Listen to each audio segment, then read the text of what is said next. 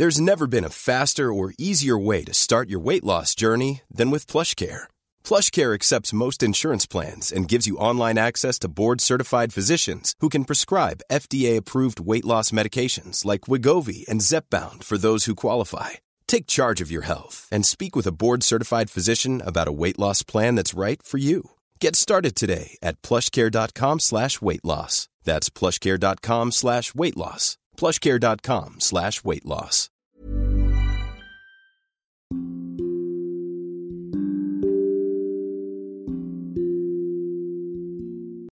Hai, terima kasih sudah mengunjungi dan hendak mendengarkan podcast dengan tidur. Aku Irene Vita. Selama ini aku pakai aplikasi Anchor untuk buat dan publish seluruh episodeku.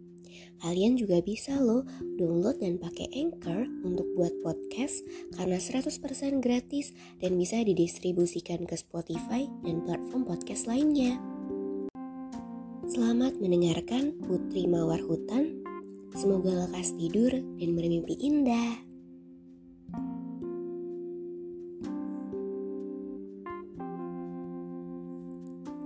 Di suatu kerajaan, hiduplah masa di mana raja dan ratu sedang berjaya dan hidup bersama dengan para peri. Kini, raja dan ratu sudah memiliki banyak uang, banyak baju bagus untuk dipakai, banyak makanan enak dan minuman enak, serta kendaraan nyaman untuk berkendara setiap hari. Namun, sampai saat ini mereka masih belum dikaruniai seorang anak, dan hal ini membuat mereka sangat sedih. Suatu hari, saat ratu berjalan di sisi danau, ia melihat ikan kecil malang yang tergeletak di luar air, sedang sekarat. Ratu kasihan padanya dan melempar ikan itu kembali ke dalam danau. Sebelum ikan itu masuk lebih dalam ke air, ia mengangkat kepalanya pada ratu dan berkata, Aku tahu apa keinginanmu, dan itu akan terwujud. Sebagai balasan atas kebaikanmu padaku, kamu akan segera memiliki seorang putri. Ratu terkejut mendengar ikan itu bisa berbicara bahasa manusia. Tak lama kemudian, benar saja yang dikatakan ikan waktu itu. Ratu hamil dan melahirkan seorang anak perempuan yang sangat cantik. Raja sangat gembira dan berencana mengadakan pesta kelahiran besar-besaran untuk menunjukkan putrinya pada semua orang. Raja pun memanggil kerabatnya para bangsawan, temannya, dan tetangga untuk datang esok harinya. Kemudian ratu berkata, "Aku akan mengundang para peri juga. Mereka akan memberikan berkah pada putri kecil kita." Saat ini ada 13 peri di kerajaan tersebut. Tapi raja dan ratu hanya mempunyai 12 peralatan makan emas. Maka mereka pun harus melepaskan satu peri dari undangan tanpa memberitahu si peri itu. Pada hari pertemuan, kedua belas peri datang ke perjamuan makan. Masing-masing memakai topi merah di atas kepala, sepatu heels merah, dan memegang tongkat sihir perak di tangan mereka. Setelah perjamuan makan, mereka berkumpul di sekeliling tempat bayi untuk memberikan berkat sihir terbaik mereka sebagai hadiah pada sang putri kecil. Yang satu memberi kebaikan, yang satu memberi kecantikan, yang satu memberi kekayaan, dan seterusnya hingga semua kebaikan di dunia. Setelah kesebelas peri memberi berkat sihir, tiba-tiba ada bunyi berisik dari luar pintu. Buak. Pintu terbuka sendiri dengan kencang.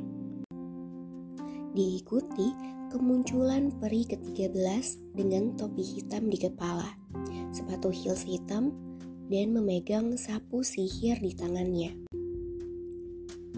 Ia memasuki ruang perjamuan dan melihat tak ada perjamuan makan untuknya.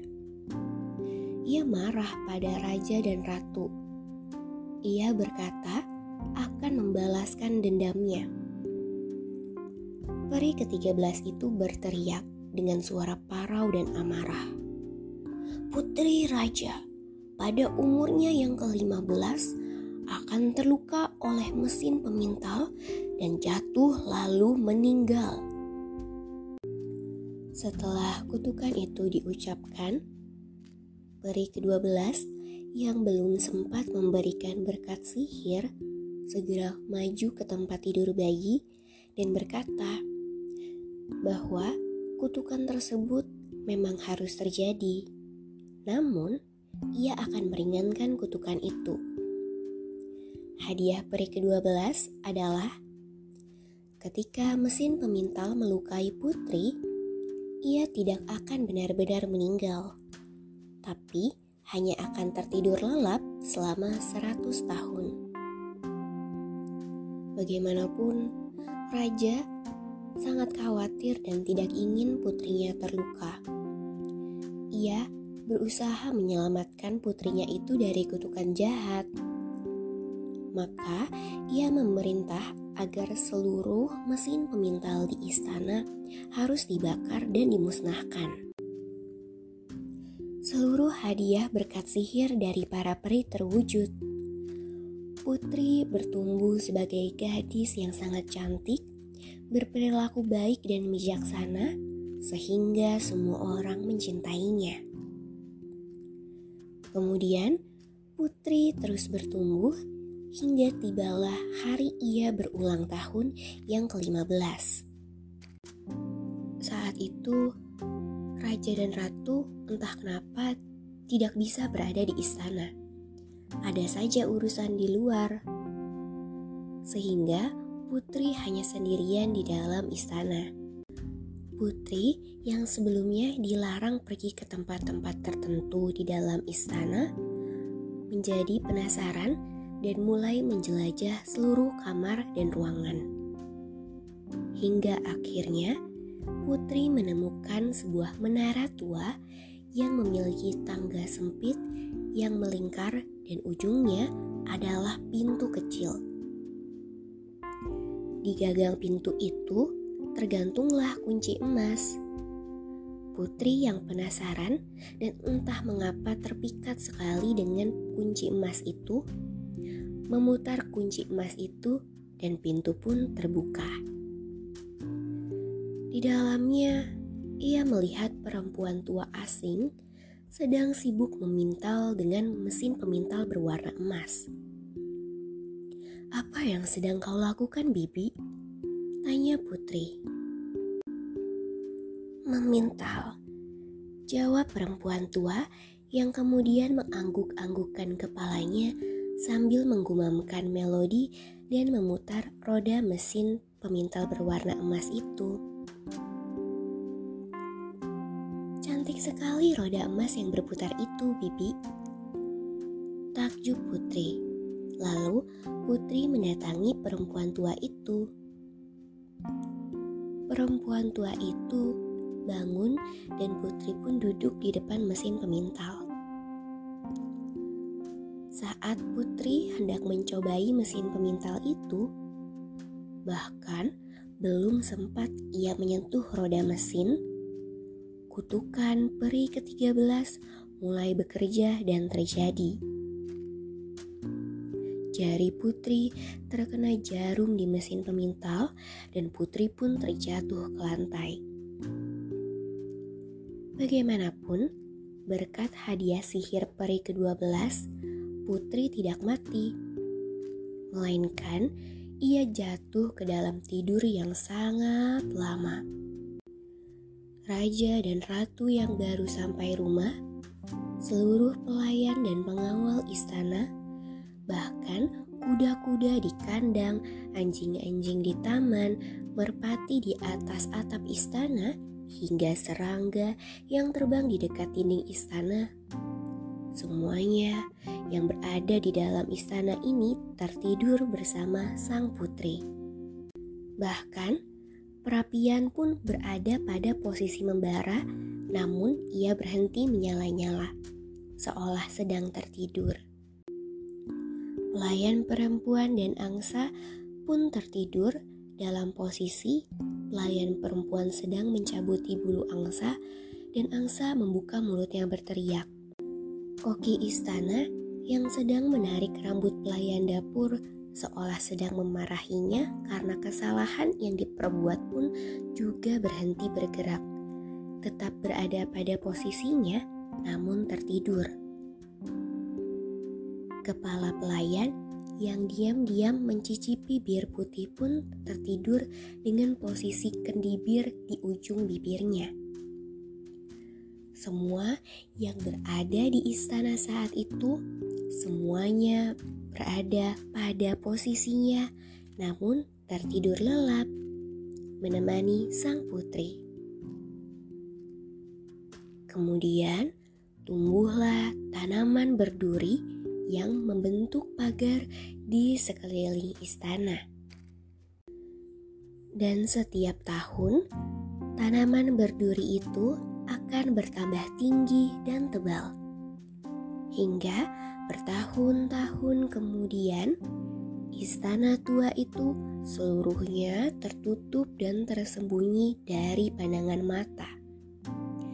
Namun entah siapa yang menyebarkannya ada kabar bahwa seorang putri yang sangat cantik seperti mawar tertidur dalam hutan. Penasaran dengan mitos itu, banyak pria muda hingga pangeran mencoba memasuki hutan tersebut dan mencari sang putri dalam cerita. Putri Mawar Hutan sebutannya mereka menemukan suatu tempat besar yang tertutup rapat oleh semak belukar. Namun, tak ada satupun yang berhasil menerobos masuk. Ada yang nyaris masuk, namun pada akhirnya ia meninggal karena cedera tertusuk duri. Bagaimanakah nasib sang putri mawar hutan? Akankah ia bisa terbangun dari tidur lelap atau selamanya menjadi putri cantik yang tertidur dalam mitos?